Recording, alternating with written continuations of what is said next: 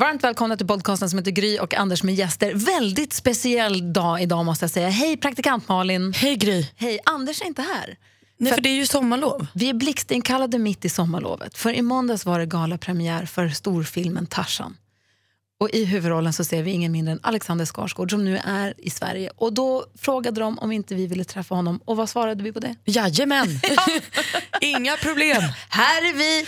Vem har sommarlov egentligen? inte jag. inte jag heller. Anders tyvärr, vår egen Tarzan, han kunde inte komma hit eh, idag. Men vi ryckte in. Eh, så vi ska träffa honom, eller vi har precis träffat honom. Han är precis, Tarzan has just left the building. Det var härligt. Det var väldigt härligt. Och vad som sades och zombies som kommer upp i vattnet och hallucinationer och ehm, Tarzan och träning. Allt. Ni får höra alldeles, alldeles strax. Först måste vi bara börja med att tacka våra sponsorer förstås som gör det möjligt för oss att göra den här podcasten. Unionen, tusen tack! Sveriges största fackförbund, de är med oss. Jajamän. Dessutom så har vi Harmonic, stavas med Q, Harmonic med Q.se. Det är en skönhetsbutik på nätet där man kan köpa. Vi har pratat om den här flawless Ja, värmeborsten. med jonisk värmeborste som gör att man kan få det rakt och inte flygigt och sånt. Jag hade behövt den idag känner jag. Tycker du det? Och vet du vad vi hade behövt igår? Vet du vad de har på Harmonic? Nej. En produkt som heter Spotless. Som man målar runt nageln, du målar naglarna. Du hade behövt det. Jag är ju svindålig på att måla naglarna. Målar utanför jämt. Man målar på skinnet och på, liksom på nagelbandet och sen så kladdar man på med nagellacket och så tar man bort, tvättar man bort det här. Som Ah, då på. försvinner det så att det blir fint. Jag var och fixade naglarna igår, tjusigt va? Jag ser. I salong, så jag har inte gjort det själv. Och hon Men det var väl- väldigt fint. hon Lite blått. Ja, lite så här blågrön. petroleum. Okej. Så. Tänkte just säga det. Ja. Och Nicky, sju år, var med. Hon älskar ju det här med nagellack. Hon tycker det är så otroligt roligt. Och hon älskar det här med salonger. Hon vill starta, så hon följde med mig dit och så fick hon, det var en tjej där som målade rosa och svarta naglar på henne. Hon la varannan. Och sen så när hon gick därifrån sa hon, jag ska starta en nagelsalong. Hon Ja. startade en nagelsalong igår för sina kompisar. Nickis naglar heter den. Alltså, blir Nickis naglar verklighet så kommer jag. Ja. Hon började igår. Hon hade behövt den här produkten Spotless ska jag säga. Det är inte så lätt att pricka nageln. Hon hade tre tjejkompisar över i olika åldrar som hon målade naglarna på. Alla fick vänta på sin tur och så målade hon. Och så. Hon, ville ha, hon ville först ha betalt men sa att du kan väl ha ett eh, premiärerbjudande där det är gratis för alla. Ja. Men alltså, det är också så att det är svårt. Jag kan tänka mig att Nickis kompisar är ju jämngamla, typ sju år. Då har man ju små naglar. Så jag förstår ju att det är bökigt för Nickis naglar att pricka rätt alltid. Hon som jag, vi, jag gick hos på morgonen, som Nick hade varit med, hon gav Nick såna klistermärken som man klistrar på naglarna. Det är så här nagelprydnader, liksom. det är så här gnuggisar. Eller vad det är. Så hon, jag såg de här tjejerna som gick runt med så här glittriga små... de var så söta. De är så svåra att få bort. Jag fick ju såna till Miley Cyrus-konserten. Så jag satte så Miley Cyrus-klisterlappar eh, på naglarna när jag gick på konsert. Fick inte bort dem. Fick skrubba och fila och dona. Jättesvårt var det. I alla fall så hade hon behövt den här produkten Spotless, hade Nicky behövt. Som hon, hon, som hon, den hade hon kunnat skaffa på Harmonic om hon hade haft pengar. Om hon hade förstått. Tusen tack både Harmonic och eh, Unionen. Och tusen tack för att ni lyssnar på den här podden. Gå gärna in och betygsätt den om ni får möjlighet, om ni har lust efteråt. Då blir vi superglada. Nu ska ni få höra hur det lät när två fnissiga flickor träffade 1,94 centimeter Alexander Skarsgård. Tarzan. Tarzan, I'm Jane.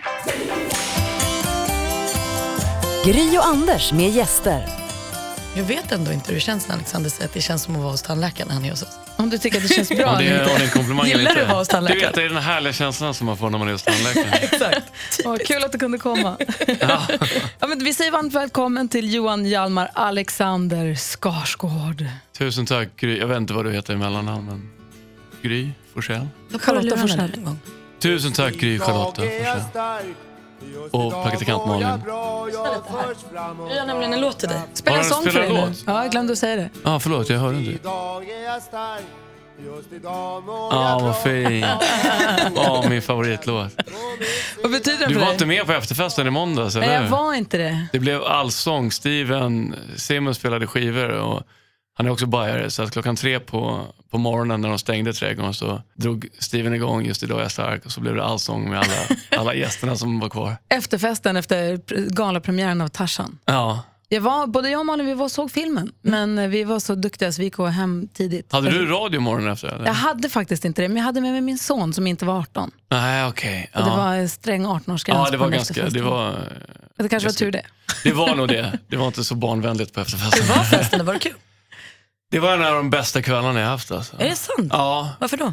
Ja, men det var... det kändes som att någon, som, lite som ett bra bröllop. Sådär. Det var en kombination av att mellan eh, min 63-åriga farbror och mina kusiner jag inte sett på tre år och barndomskompisar, kompisar från USA som hade flugit över. Alltså det var en sån otrolig blandning av vänner och familj. Och just energin också. Min lillasyrra Eija och hennes kille Seke körde ju efterfesten, hostade efterfesten och så de hade planerat i två månader. Och på Trädgården som är ett av mina favoritställen. Så det var ju en helt otrolig kväll. Alltså. Vi satt rätt långt fram på biografen och såg när du kom in och sa hej välkommen och skulle prata lite innan filmen. Och du sa att det är väldigt emotionellt för mig Ja. att få ha premiären här. Det såg Ja. nästan ut som att du, du var, såg verkligen rörd Ja, men det var, det är det var otroligt emotionellt. Det var en, en väldigt lång och, och fysiskt eh, tuff inspelning. Och ofta när, sådär, när jag skulle upp tidigt på morgonen för att träna eller göra mig i ordning för, för en inspelningsdag så tanken på att en dag komma hem till Stockholm och just att min farsa är en stor Tarzan-fan sen han var liten grabb.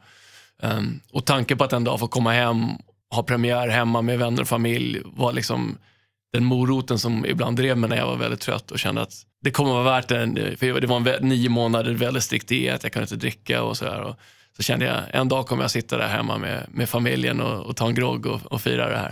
Hur mycket hade du sett av filmen innan i måndags?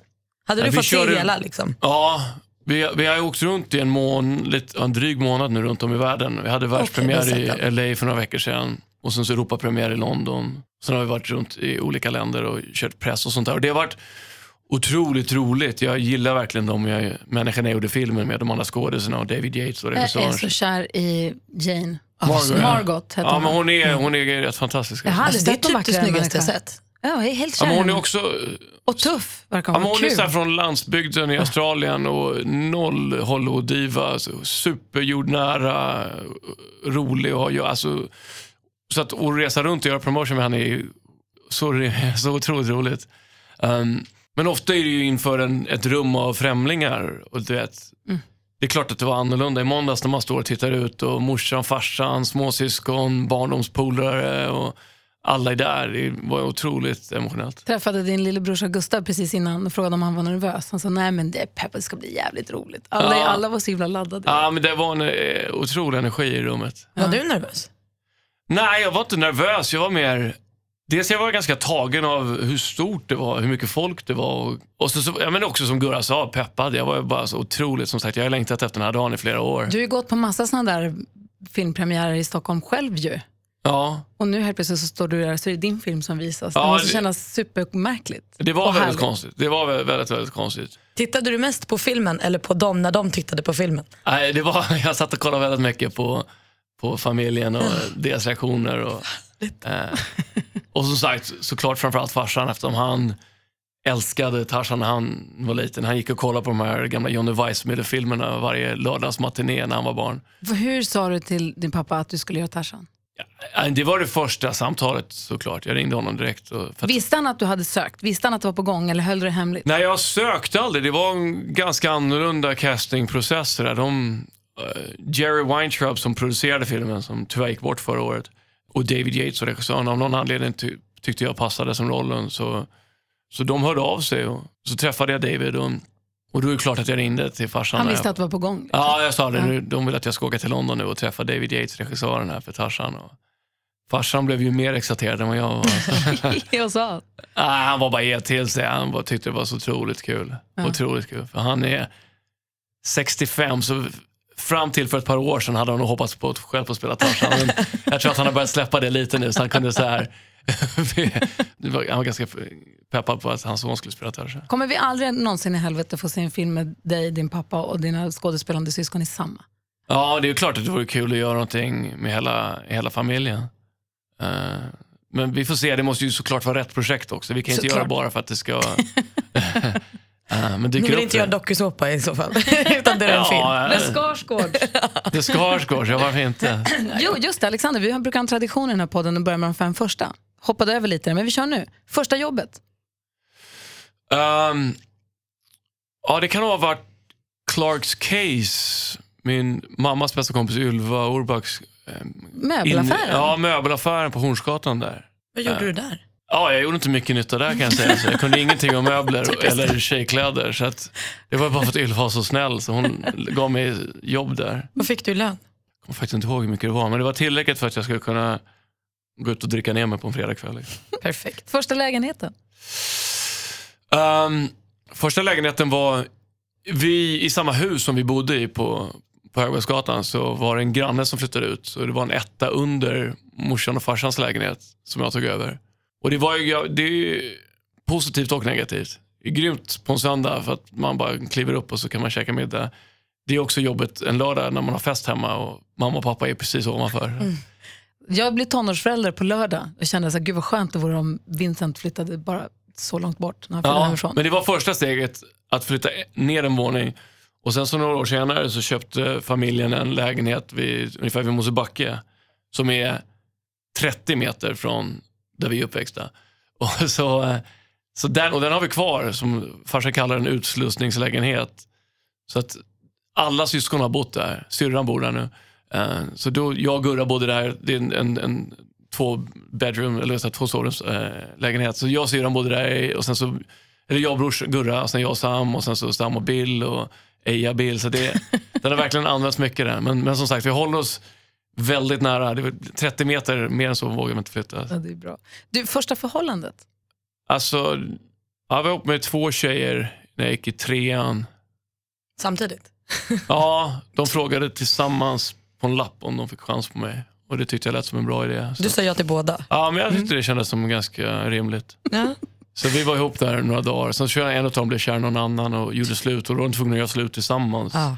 Jag älskar den där Ehm. lapptiden ändå. Och det tyckte jag var jättekonstigt. Det festligaste var ju kanske-rutan. Varför fanns den ens? Ja, nej, kanske. Mm, Så, ah, det är ju bara att dra på det. Ja, Kan vi inte bara ha ja men eller det är, nej? är man smart då trycker man ju kanske. Liksom, för då drar man ju ut spänningen lite grann. Liksom. Mm. Eller?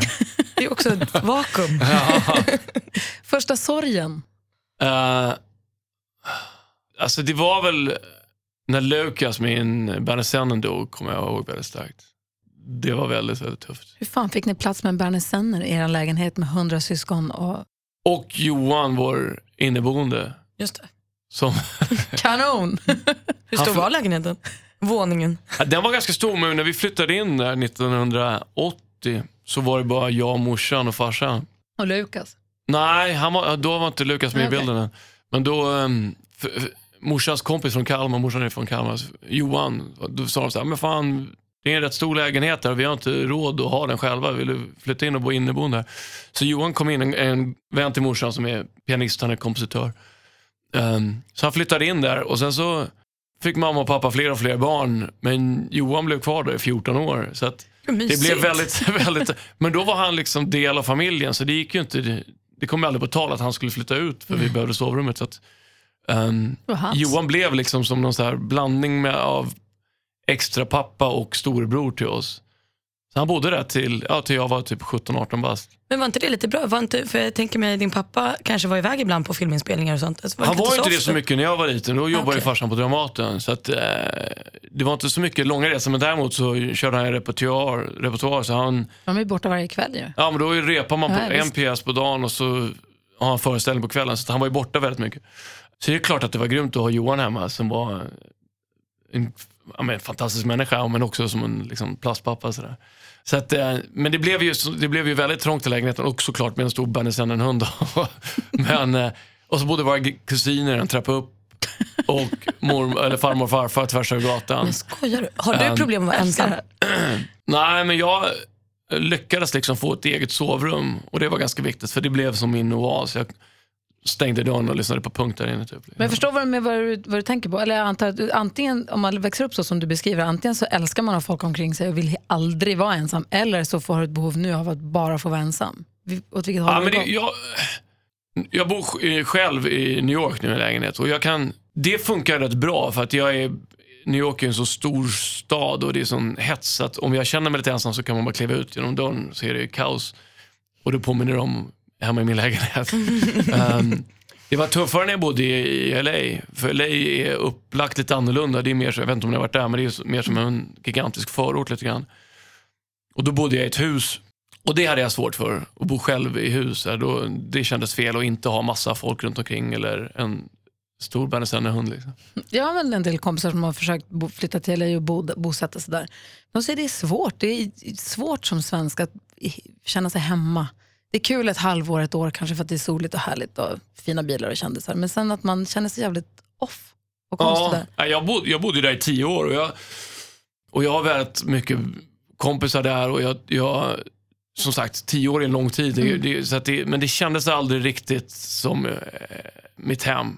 Nej, jag, jag saknar just att man, det är lite svårt, kan det vara svårt att vara spontan där kan jag känna. Mm. Det är väldigt mycket, du måste planera, i och med att allt är så utspritt så är det väldigt mycket kretsar kring bilkörning. Och, Allt tar tre timmar. Lite så är det. Du ska säga, ja men vi ses där på en kaffe om 45 minuter, så hoppar man in i bilen. Så, ja men just som sagt, som jag är uppväxt på Söder så är ju allting inom, inom tre kvarter, hela släkten och alla barer och kaféer man går till. Så det skapar ju en viss spontanitet. Man kliver ut och så springer man in i folk och man möter någon gammal kompis på gatan som man börjar surra med. I LA är det konstigt när det händer för då sitter man i bilar mm, och är på väg åt olika håll och bara “Åh, tjena” och sen så försvinner man. Men jag, eh, nej, jag, tror- jag gillar att åka dit men jag tror inte jag kommer vilja flytta tillbaka till LA. Vi pratar mer om LA alldeles strax, men sista och femte bara, vad har du gjort? Första bröllopet. Det var nog i Finland. Min eh, farbror gifte sig med en finsk kvinna. Och de, den familjen, det var ute i urskogen djupt in i Finland och de bryggde egen öl. Jag tror det var 10% i stark. Så att, ser alla blir blinda. nej, det var bland det värsta jag sett. Det var, det var som en zombiefilm ungefär. Framförallt alla svenskar då, som inte var vana där. Finnar kan ju dricka liksom, hur mycket som helst. Jag var bara en liten grabb, men jag kommer ihåg hur alla eh, vuxna svenskar, då, Skarsgårdssidan av familjen som kom dit, bara vinglade runt som zombies i skogen. Och, eh, Ingegärd, den gode vän till familjen, hallucinerade och såg folk komma upp ur havet. Nej men och, gud vad hemskt. ja, Vad glatt ändå att du kan prata om det här med ett leende på läpparna. Ja. Att det inte är så här trauma för dig. Hon fick alltså, och så var det någon som sa så här, men Ingegärd, du, hon berättade dagen efter, eller, nej, hon var fortfarande full då, men så bara, men Ingegärd, du, hon sa så här, bara, det är människor som kommer upp i havet. Och då, jag tror farsan bara, nej men Ingegärd, du, du hallucinerar nu. Hallucinera, jag såg dem ju! Fy fan vad hemskt. Los Angeles pratade vi om. Jag är nyfiken på det här med din, din Hollywood-karriär. Eh, rätta mig nu om jag har fel, men jag vill minnas att du hade en, jag vet inte om det kallades agent på den tiden, men en som du jobbar med som heter Josefin. Alltså för nu pratar vi mitten på slutet på 90-talet, länge sedan. Ja, Jag har ett tydligt minne av att hon sa till mig en gång att Alexander kommer slå, han kommer göra karriär i Hollywood. Det finns, så är det bara, det, finns en plan, eller det, jag vet inte om det fanns en plan redan då, det är det jag är så nyfiken på. Är det, var det uttänkt eller fanns det en önskan en plan redan från nej alltså 90-talet. Ja, början på var- 2000 Jag började kanske. nog, mitt första jobb var väl runt millennieskiftet där i Sverige. Då. precis? Och, nej, det, det, jag åkte till, på semester till LA för farsan filmade där. Ja. Och då skickade hans, då, då, sa, då hade jag väl gjort Happy End tror jag var Kristina Olofssons film, och kanske var år, 2000 och sånt där. Um, och då så sa farsans manager i LA, var så här, men Alex du jobbar ju som skådis nu i Sverige, vill du inte gå på en audition? Och då tänkte jag, men det är väl en kul grej att berätta för polarna hemma så här, någon, det, att jag var i Hollywood och gick på en audition. Och det var det för Zoolander, uh, en liten roll, bara två scener typ. Uh, och så fick jag rollen. Och, och, Bensinstationen. Ja, precis. Jag exploderar på Just en det. bensinstation. Eh, och, på, och I och med att jag gjorde den filmen då så fick jag representation i Hollywood. Så jag fick en agent och en manager. Men då Men då jag... får man det bara om man får en roll. Det är så det går till. Ja, men lite så är det ju. Om du, jag hade ju ingen agent eller manager, men det var ändå, även om det var en liten roll så var det en ganska stor film. Och då, Då hör folk av sig. Då vill ja, de men då var liksom så, ja, men vi vill representera dig. Typ. Mhm. Och då jobbar de på spec typ. Ja, Att de- blir det något så får de pengar. Ja, de, det, det, det är ingen månadsavgift utan du, de, de tar ju typ 10% var av det du tjänar. Liksom. Okej. Men då höll jag på, då hade jag precis signat för att göra Vem är rätt Virginia Woolf här i Stockholm på Södra Teatern. Så jag skulle spela teater i sex månader och så åkte jag hem och gjorde det. Sen åkte jag ner till Göteborg och spelade Blodsbröllop på Stadsteatern där nere. Och, då, och de ringde då och då och var lite så här, ja det är lite svårt för oss att göra någonting när du, så länge du är uppbokad på teaterjobb, men när du får ett break så tycker vi du borde komma till, till LA och gå på lite fler möten. Så att två, 2004, några år senare, när jag var klar med, hade ett break, så kände jag att, ja vad fan om, om jag har en agent och en manager där och kanske jag borde åka dit några månader och testa. Men gud vad det här känns bakvänt. För det känns som att alla andra som man pratar med, man gör sina filmer men målet är ändå LA och målet är Hollywood. Det är dit man vill och man vill åka dit och pröva lyckan. Det känns som att du kom dit, fick in en liten fot och så, så här, ah, ska ändå hem och göra klart. Och så här. Var det aldrig liksom en dröm en Jag vet inte, det var lite också, det är så pass många svenskar, och det tycker jag är väldigt positivt, det är ganska många svenskar som det går bra för där borta nu, som jobbar och jag tror att det är grymt för unga skådisar i Sverige som ser att så här, ja men fan kan de här halvmediokra rackarna klara sig? Så här, Löken Alexander Skarsgård går okej, för då kan väl jag liksom. Ehm, för när jag, för, för 15 år sedan var det, det var ju farsan, Peter Stormare och Max von Sydow och Lena Olin. Det var ju inte så många, framförallt inte i vår generation, som jobbade där. Så att för mig kändes det ganska avlägset att få jobb där. Men då var ändå din pappa där. Alltså jag Ja, tänker så här, det det måste var vara här- ännu mer avlägset för någon i så här Grums. Absolut. Där det känns helt ja. liksom. absolut. Du satt ju med honom i ditt Ja, men det var liksom köksbord. inga yngre. Han var ju så här karaktärsskådis som var betydligt äldre. Det, det, det fanns inte så många unga svenskar som jobbade där borta. Så att jag såg aldrig riktigt det. Jag, jag var väldigt förvånad när jag fick Zoolander. Som sagt, jag var där på semester. Och, och även efter det var jag lite så här, ja, ja jag kommer ut. Men det, det var inte så här, ja, jag kommer, I'm gonna make it in Hollywood. Utan det var mer att när jag, när jag hade ett, ett break efter teatern i Göteborg så kände jag väl, jag fick inte så jätteroliga jobb hemma i Sverige. Filmade lite grann då och då, men typ jobbade inte så mycket. Och då kände jag att, men varför, varför inte? Jag kan lika gärna åka dit och, och testa och se läget. Och kolla, och sen kom han tillbaka som Tarzan. Och sen kom jag tillbaka som Tarzan. Vilken jävla succé. Nej, men det är ju världens... Nej, Skäms du över att du har spelat Tarzan? nej jag, jag, det var en fantastisk, jag är otroligt lycklig över det. Eh, och jag, är, jag tror att när jag väl kom dit 2004, um, dels så insåg jag hur tufft det var. För att Zoolander var ju den första auditionen som jag gick på och fick. Så jag var ganska naiv när jag åkte tillbaka och var så här, ja men okej, jag åker dit. Jag trodde inte att jag skulle liksom bli etablerad, men jag kände ändå så här, men jag kommer få lite jobb. Så var det ju tre år av provfilmer och jag fick ingenting. Vilket är ditt nesligaste nej? Vilken film eller serie sitter du och tittar på och Fan, biter jag i fick den näven? och frågan häromdagen. Uh, Band of Brothers vill jag gärna vara med i. Den här HBO-serien. Mm. Den fick jag inte. Den, och då var jag hyfsat nära tror jag. Men så fick jag en roll några år senare i Generation Kill som också var en militärserie för HBO. Så det var jag överlyck, överlycklig över. Men eh, det var tre år av att springa på auditions och inte få jobb. Och då kände jag väl, jag, jag trodde ändå, alltså det var ju, jag trodde ändå att jag hade någonting där att göra såklart, annars hade jag ju bara åkt hem. Jag kände väl att jag var nära några grejer som jag verkligen ville ha och som jag ändå trodde på. Det var tufft i och med att jag var helt okänd så om det var bra material så kom det ju alltid någon som var mer etablerad in och som en hök och tog rollen. Liksom. Eh, det är så det funkar där borta. Eh, men sen så 2007 så dök det här Generation Kill-projektet upp. eh, av David Simon och Ed Burns som gjorde The Wire som är en fantastisk tv-serie för HBO. Och det var en helt otrolig bok. Jag älskade projektet verkligen. Och det som var till min fördel var att de ville ha oetablerade skådisar. För de ville ha en ganska dokumentär känsla. De ville inte ha för familjära ansikten. Så att eh, då, då, den blev jag väldigt taggad på. Och, och hade otroligt flyt och lyckades ta mig igenom det där och, och få rollen. Hur var det att jobba med Samuel L. Jackson nu när du nyss spelade in Tarzan? Han är, Är han fantastisk? Ja, han är fantastisk. Han är otroligt cool. Han är ungefär som du kan föreställa dig Sam Jackson ska vara. Så här, rå, laid back, trevlig, lugn, ödmjuk. Alltså bara hur skön som helst att göra med. Det är väldigt mycket animeringar förstås i Tarzan-filmen. Ja. Eh, legenden om Tarzan. Eh, men fick du träffa några djur överhuvudtaget i verkligheten? Eller allt? Ja, det var massa höns och några getter som var riktigt fint. Gud vad trist. Nej, jag fick träffa, I Prep så träffade jag djur. Eh, jag fick träffa lejon och um, geparder och i leoparder. Och när, vi, när vi gjorde för, under förberedelse för filmen. Eh, För att och studera typ, hyenor eller? ja, och gorillor. Jag spenderade en dag med gorillor. vilket- Det var helt otroligt. Var det inte Um, läskigt?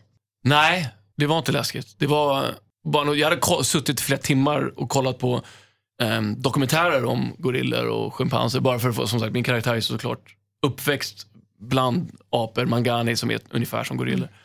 Så att det var ju viktigt för mig, i och med att vi skulle spela in det ut, alltså det, de är animerade filmen, så var det viktigt för mig att studera för att lära mig hur de, för familjestrukturen och hur de kommunicerar med varandra och allt sånt där. Um, så jag hade suttit och kollat på dokumentärer timme ut och timme in och sen att efter det få gå och träffa dem på riktigt och sitta 20 centimeter från en silverback. Um, Så mäktigt. Ja, det var bland det, när han kollar en i ögonen så är det, du bara, alltså, du känner så oväsentlig och liten och det känns på något sätt som att han ser rakt igenom en och bara ser ens mörka själ. och det, var, det var otroligt. Det var inte så här eh, hotfullt. Han var hur lugn som helst. Det var inte att han, utan men just så här, bara sättet han kollade på en var verkligen, jag aldrig Du kommer inte undan. Nej, nej men också så här, det var lite så här, jag ser igenom din bullshit. Liksom. Försök inte med mig, jag vet exakt vem du är. Du har en gosse-scen med ett lejon som man ju blir sjukt Mysigt avundsjuk på. När ni Ja. kommer Om tillbaka. den hade varit på riktigt. Ja, det var en, en 25-årig breakdansarsnubbe från södra London. I en grå pyjamas. Låter i och för sig inte helt fel Ja, heller. Alltså, du jag hade nog gärna gått ner på alla fyra och, och gnuggat emot honom som jag fick göra. Gärna. Men det var en absurd, ja, absurd känsla. Vi, vi kände inte varandra. Ace heter han. Vi lärde känna varandra väldigt bra efter det. Men, Men det gud var roligt. första dagen tillsammans. Vi sågs på set och skakade hand. Och så, som sagt, han var iklädd en grå pyjamas för att de lättare skulle kunna animera och ta bort honom och, och sätta animera ett lejon. Så vi skakade hand och så gick vi ner på alla fyra och började gnida mot varandra. Det är ju för festligt. En dag på jobbet. ja, det var ett sånt ögonblick när jag var, det här är ett väldigt intressant jobb. Vad är det jag läser om att det har varit någon kyssscen mellan dig och Christopher Waltz som är bortklippt för att publiken gick, blev upprörda? Är det här bara på ljug? Ja, det var någon som frågade mig det på, innan premiären i måndags. Som frågade också om någon bortklippt kyssscen. Och jag har ingen aning var det kommer ifrån. Eh, nej, det, vi, vi, vi Ni har alltså aldrig kyssts, inte ens på film? Nej, jag försöker gå tillbaka och tänka nu om jag har hånglat med Christoph, men jag har ingen minne av det. Alltså, Vilken märklig det är grej. möjligt att det har hänt, jag kan inte kategoriskt förneka det, men Man undrar Jag- var det kommer ifrån. nej, jag vet inte. Det är ju någonting, ja, nu ska jag inte avslöja slutet, men vi har ju en scen i slutet när vi är väldigt nära varandra. Ehm, men det är definitivt inte hångelläge. Ja, Det känns, det känns inte så mysiga då överhuvudtaget. Nej. Eh, han har ju, eh, Han Rom, hans karaktär, har ju någon ganska, han är ju fascinerad av Tarzan. Rädd för honom, men det är också någon nästan skev sexuell attraktion där.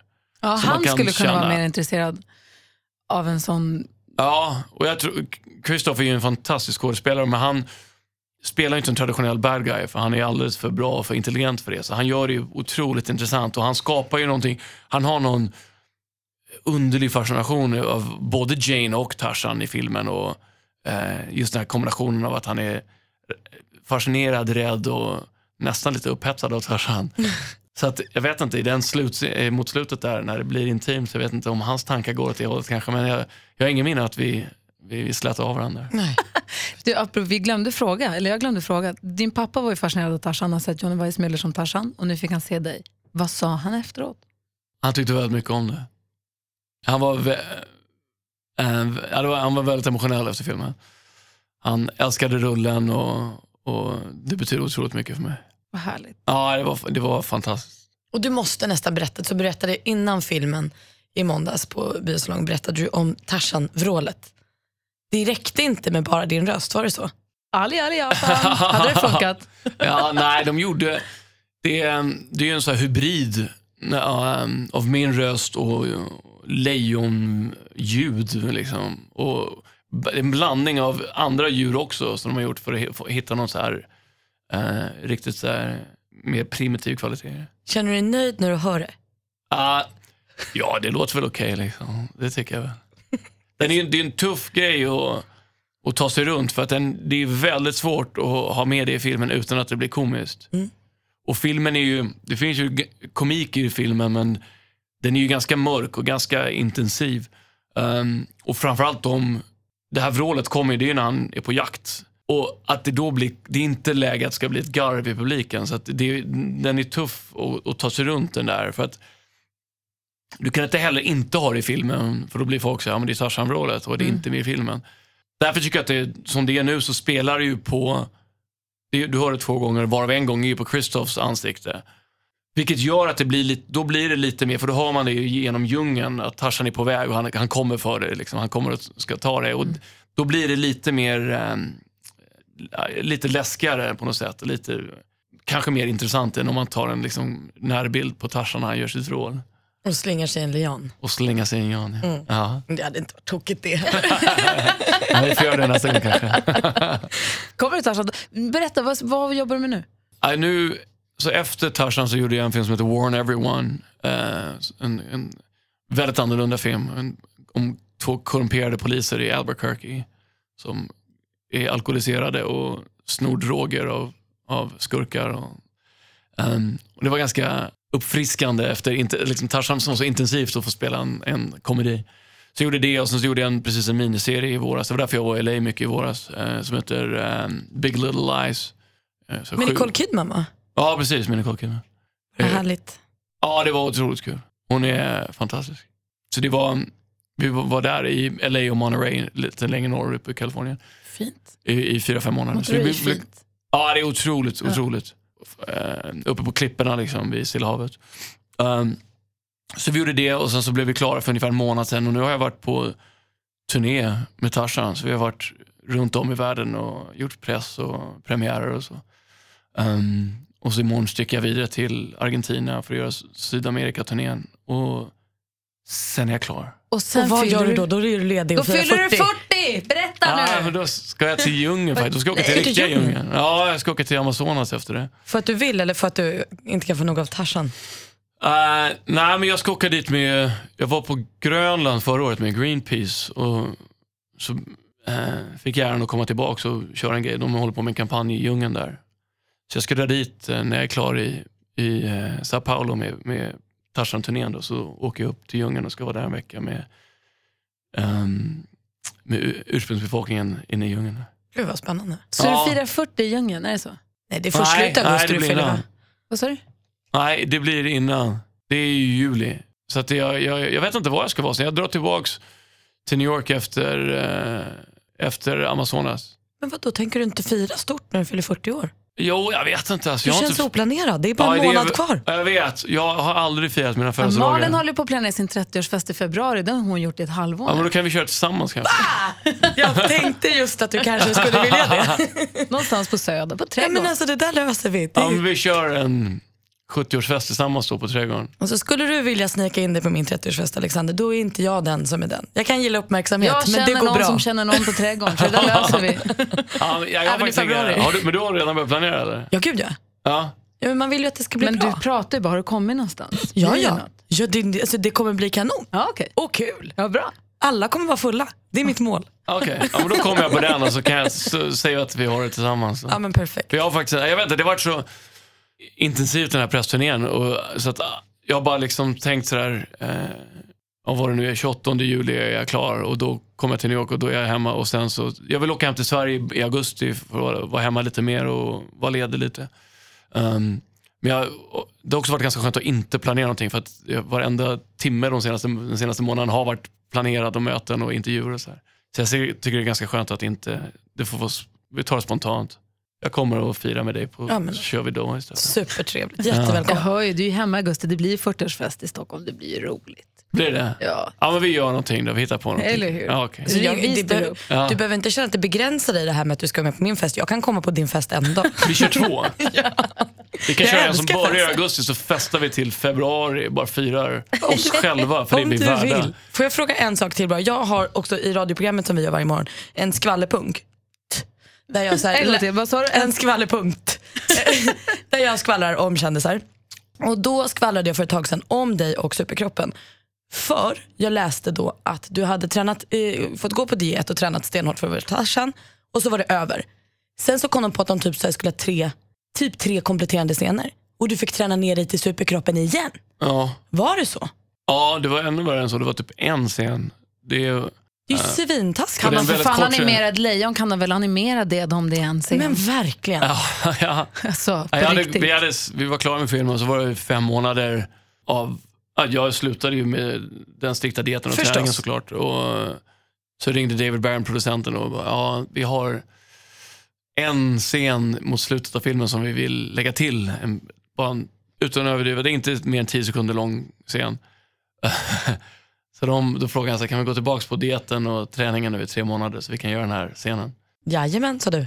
Ja, det, ja, det var jag ingen val liksom. Det var, så, så när jag var klar med den så var det någon som sa att ja, men fan, de animerade ju alla apor och allt annat. Kunde de, ta- de, och de hade en 3D-scan av min kropp från när vi har filmat. så det var någon som sa det, men då kunde vi bara animera det där. Och det kom jag på först efter vi hade filmat. Perfekt. Men, äh, nej, men grejen är att det är ganska dyrt att animera. Varenda frame kostar ju väldigt, väldigt mycket pengar. Så det är klart att det är, de föredrar ju. Och som skådis är det klart att du hellre vill göra så mycket som möjligt själv. Eh, men det var ganska, ja, jag fick gå tillbaks på kyckling och broccoli-diet i tre månader där. Och det viktigaste vi tar med oss av det här är att mitt skvaller alltid stämmer. Ja, det stämmer alltid alltid. sant. Så det ska ni kära lyssnare komma ihåg. Jag skvallrar inte med Praktikant skit. Malin har alltid rätt när hon skvallrar. Ja, så är det. Så Det är lyssna det jag är här i Sverige för att berätta. Jag kan konfirmera alla rykten. Allt stämmer. Hörru, du, eh, jo, en sak som jag tänkte på, jag vet inte alls om det, det är mest relevant om man har sett filmer och sitter och är nyfiken på det som jag. När Tarzan kommer tillbaka till djungeln i, i filmen Ja, och har vant sig med kläder och lever ett vanligt liv tillbaka Ja. i djungeln. Och springer i, måste varit jävligt jobbigt för honom att springa med skor helt plötsligt. Ja, Längs det- trädstammarna, förstår du vad jag menar? Han borde Ja. egentligen ha tagit av sig dem. ja, de åker ju av Sen, När du ska lite slåss. senare. ja. Ja, Jag tänkte Men- det måste kännas jätteläskigt att springa Jo, men vi ville också att det skulle vara... Det blir ju lite som en, äh, en metafor för hans psykologiska resa från Lord Greystoke till Tarzan till det mer, ett mer, mer eh, primalt stadium. Ja.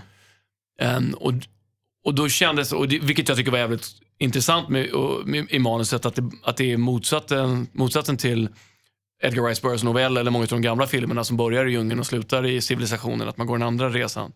Um, men då, vi ville att det skulle vara att det är lager. Att det inte är att han kommer ner som en brittisk uh, explorer och sen så slänger han av sig alla kläder och är Tarzan. Utan att det är långsamt. Han kommer dit och försöker hålla kvar den här fasaden av att han är en proper brittisk lord. Och så, så långsamt kommer, kommer de av. Och Det finns ju ett symboliskt värde i att ta av sig kängorna för att han vill känna jorden och, och, och, och, och gräset under sina fötter. Så att vi, vi ville vänta lite med det. Hörru, du, vi, har, du, har du något mer du vill tillägga innan vi rundar av? Jag har inget mer jag vill tillägga. Ja, du är klar med oss nu. på ord. Några Jag är trött på det här nu. Men däremot så vill vi väl ha en fråga i lådan. Ja, för guds skull. Innan du går, Ja. du har ju frågan i lådan. Ja, Varför har jag så svårt att komma ihåg frågan i lådan? Jag vet inte. Det är så konstigt. Varsågod. Ta den. Den är inte så läskig som den ser ut. Det är alltså frågor som assistent Johanna har skrivit några av dem. It's zombie survival kit. Exakt, hon älskar zombies. Okej. Och sen har några gäster som har varit i podden skrivit några frågor.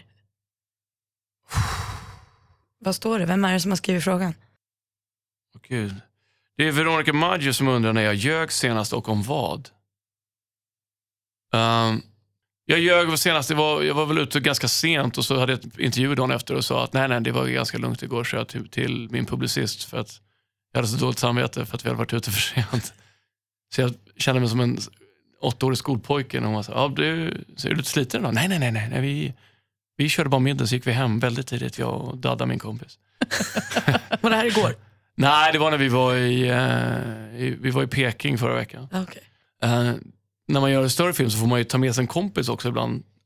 Eh, vissa skådespelare har ju med sig ganska så här, rätt mycket folk. Ja, men de har med sig smink och makeup och assistent, alltså ganska mycket folk. Så att studion, Warner Brothers är ganska vana vid att de ber om extra biljetter på de här resorna. Um, och jag har inte det, så att då frågade jag istället om jag kunde ta med mig någon polare på de här resorna, för det blir lite roligare när man åker runt och gör press i världen. Och det gick fint. Så Dada Flair, min, min bästa kompis nere i Göteborg som är musiker och bor i Majarna, eh, hängde på till Peking. Och det var otroligt kul. Men då var jag väl, det var, det var väl en liten vitlön kanske, men Vad gjorde ni? Alltså, Dadda gillar att ha roligt så att vi, han, vi, vi gick väl ut och hade lite trevligt och sen så, som sagt dagen efter så var jag lite småtrött och, och, och, och, och publicisten frågade, är det okej? Var du ute? Nej, nej, nej, nej, det var jag och Dadda som tog en Ramlösa i baren så gick vi och la oss. Det var, det var lugnt och fint. Så här, borsta bort konfettit Ja, ja, från... ja. ja, men jag blev väldigt stressad. Och det hade väl varit, jag, hade, jag förstår inte varför, jag kunde ju sagt så här, ja vi festade på lite igår men jag kände mig, det var verkligen som att så här, man, hon var min fröken och jag var åtta år. festar du mycket? Ehm, nej, inte så. Alltså, det går väl i perioder. Jag, är ju, som sagt, det var nio månader, då jag- då var det ingenting. Under, under inspelningen av Tarzan så hade jag ju inget socialt liv. Jag var ju inte ute på restauranger. kunde inte dricka någonting. Men hur bra sov du då? ja, men jag, sov, det var ju, alltså, jag sov bra för jag var så trött. Det var en Men jag- väldigt fysisk inspelning också. Ja, men också, för jag har en kompis som brukar köra 100 nyktra dagar i sträck. Alltså han sover så bra då. När du tar- tvättar bort alkoholen under lång tid ur livet så sover du så himla ja, bra. Ja, jo, men det gjorde jag. Eh, Det var väl en kombination av det och som sagt att jag var fysiskt helt slut varje kväll. Jag dricker vin varje dag, sover som en bebis. Det är ju andra, det är ju andra sidan. Men, men, eh, men här, när man eh, är ledig så, framförallt vet, man kommer hem och så här, det är ju klart att det är kul att träffa alla polare och slappna av. Och, lite, och just inte bara att kunna ta en drink utan också käka vad man vill. Det är ju en fröjd efter nio månader väldigt när man var på sån strikt diet. Vad var det första du frossade loss i? Det var, farsan var ju i London och filmade den här River, mm, tv-serien. Eh, samtidigt Vad som jag bra han var i den. Ja, är grym. jag orkar vad bra den var. Ja, jag tyckte skitmycket om den också. Fantastisk. Ehm, och han älskar att laga mat, Ja. så det var ju perfekt. Så, så, så fort jag blev klar med inspelningen så åkte jag direkt hem till farsan och la mig på, på, på soffan där och så hällde han mat i min mun. Typ. Det var bara så här, pasta och benmärg och mozzarella och, Det låter och ju toppen. du- Nej, det var fan, det var Pasta fanta- och benmärg efter det var nio månaders diet. Det var fantastiskt. Jag hade valt taco. Han har en scen i River som han spelar så jävla bra, ursäkta språket, så jag var tvungen att så spola tillbaka och titta på det igen. Han hade liksom så här fyra olika sinnesstämningar som bara for över ansiktet. På. Det var fantastiskt. Ja, det var kul och jag- det var också kul att se för jag vet hur hårt han jobbade på den. Ju, Ja. Han är ju med i stort sett varenda scen och det är ju väldigt krävande roll. Ehm, så jag såg ju hur tuff inspelningen var för honom. Han hade ju kul men det var ju väldigt, väldigt intensivt. Och då är det ju härligt när man också ser det och ser hur bra det blir. Och att det var värt allt slit. Liksom. Var du missnöjd med frågan? Vill du ta en ny? Nej men det var ju ingen rolig lögn, det var ju en ganska lökig, det var bara mitt svar. Jag, jag, Men skit i- ingen kritik Okej, mot Veronica. Maggios fråga, jag tyckte den var väldigt bra. Skit i senaste lögnen. Säg din, din största lögn. Ehm, Har du någon lögn som så här, fortfarande grämer dig? Så där du säger, ah, det där var ju inte så. jag, brukar, chansen nu! ja, jag brukar säga att jag är 22 år gammal och så, så kommer, kommer jag hit och ni ska fira min 40-årsdag. Så Förlåt. tack Gry och praktikant Malin för det. Ni blew my cover här alltså. Nu vet hela Alltså, världen om att jag är medelålders. 22. Alltså, Ja. ah, Tack så mycket. nej men alltså det var lite att ta i. Vad ska jag dra? Vad ska jag köra Nej på? men vi kan göra som- 30-årsfest. Det, det kan 30? du. Ja, Okej. Det tror jag ändå är rimligt. Du ska göra som Jean-Pierre Barda, han har alltid lagt på 12 år. Du ska säga att du fyller 52 så folk säger shit vad han ser ung ut. Jean-Pierre, vilket geni. Ja, Det är klart man ska göra det. ja. För ljuger man åt andra hållet så blir folk bara så här, oh, lite sliten 22-åring alltså. Ja men det är det jag menar. Ja, han har levt 22 Va? tuffa år. Ja, men då, ska jag, då firar Jag jag heter 50 Alexander, jag är född nu. 1994. Det är ju ingen som går på det. Nej, Nej. ja, men då kör vi 50-årsfest nu i sommar. Hörru, tusen tack för att du kom hit. Tack hörni, det här var kul. Det var Tack väldigt så mycket trevligt för att jag fick kul komma. att se dig igen. Det var fasligt Ja, länge detsamma. Det var länge sedan. Jag var med i ett tv-program någon gång för många, många, många år sedan. Silikon? Har du gjort tätt Ja. intill med Alexander? Ja, det har vi Ja, nog. vi gjorde tätt Det intill. gjorde vi. Vad svarade du på frågan om, 1936. vad svarade du på Det frågan om du kissade i duschen? Kom? Vad svarade du på frågan om du kissade i duschen? Jag tror jag sa, sa ja kanske. Nej, Jag kommer inte ihåg. Kommer inte ihåg. Det var så otroligt länge sedan. men det var verkligen det. Det måste ha Det varit var 98, långt, långt innan 99. jag fyllde 50. Ja, Ja. Nej, men det var härligt att se dig igen, Gry. Detsamma. Ja, Och, vet du, vi ger tummen upp för Tarzan. ja, Ja, verkligen. två tummar upp Ja, såg jag att två du gjorde där. Gå Tack och se mycket för den. det. Ja, härligt. jag tycker ja. verkligen det. Jag tycker alla ska gå och se den. Tack den så mycket. Gry. Tack, tack. Och grattis i förskott till 50. Tack praktikant Malin. Varsågod Alexander Skarsgård. Hej då.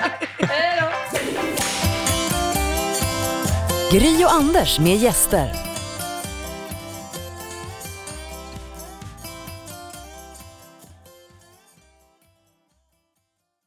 Ett poddtips från Podplay. I podden Något Kaiko garanterar östgötarna Brutti och jag, Davva, dig en stor dos skratt. Där följer jag pladask för köttätandet igen. Man är lite som en jävla vampyr. Man har fått lite blodsmak och då måste man ha mer. Udda spaningar, fängslande anekdoter och en och annan arg rant. Jag måste ha mitt kaffe på morgonen för annars är jag ingen trevlig människa. Då är du ingen trevlig människa, punkt. Något Kaiko, hör du på Podplay. Därför är gardinerna.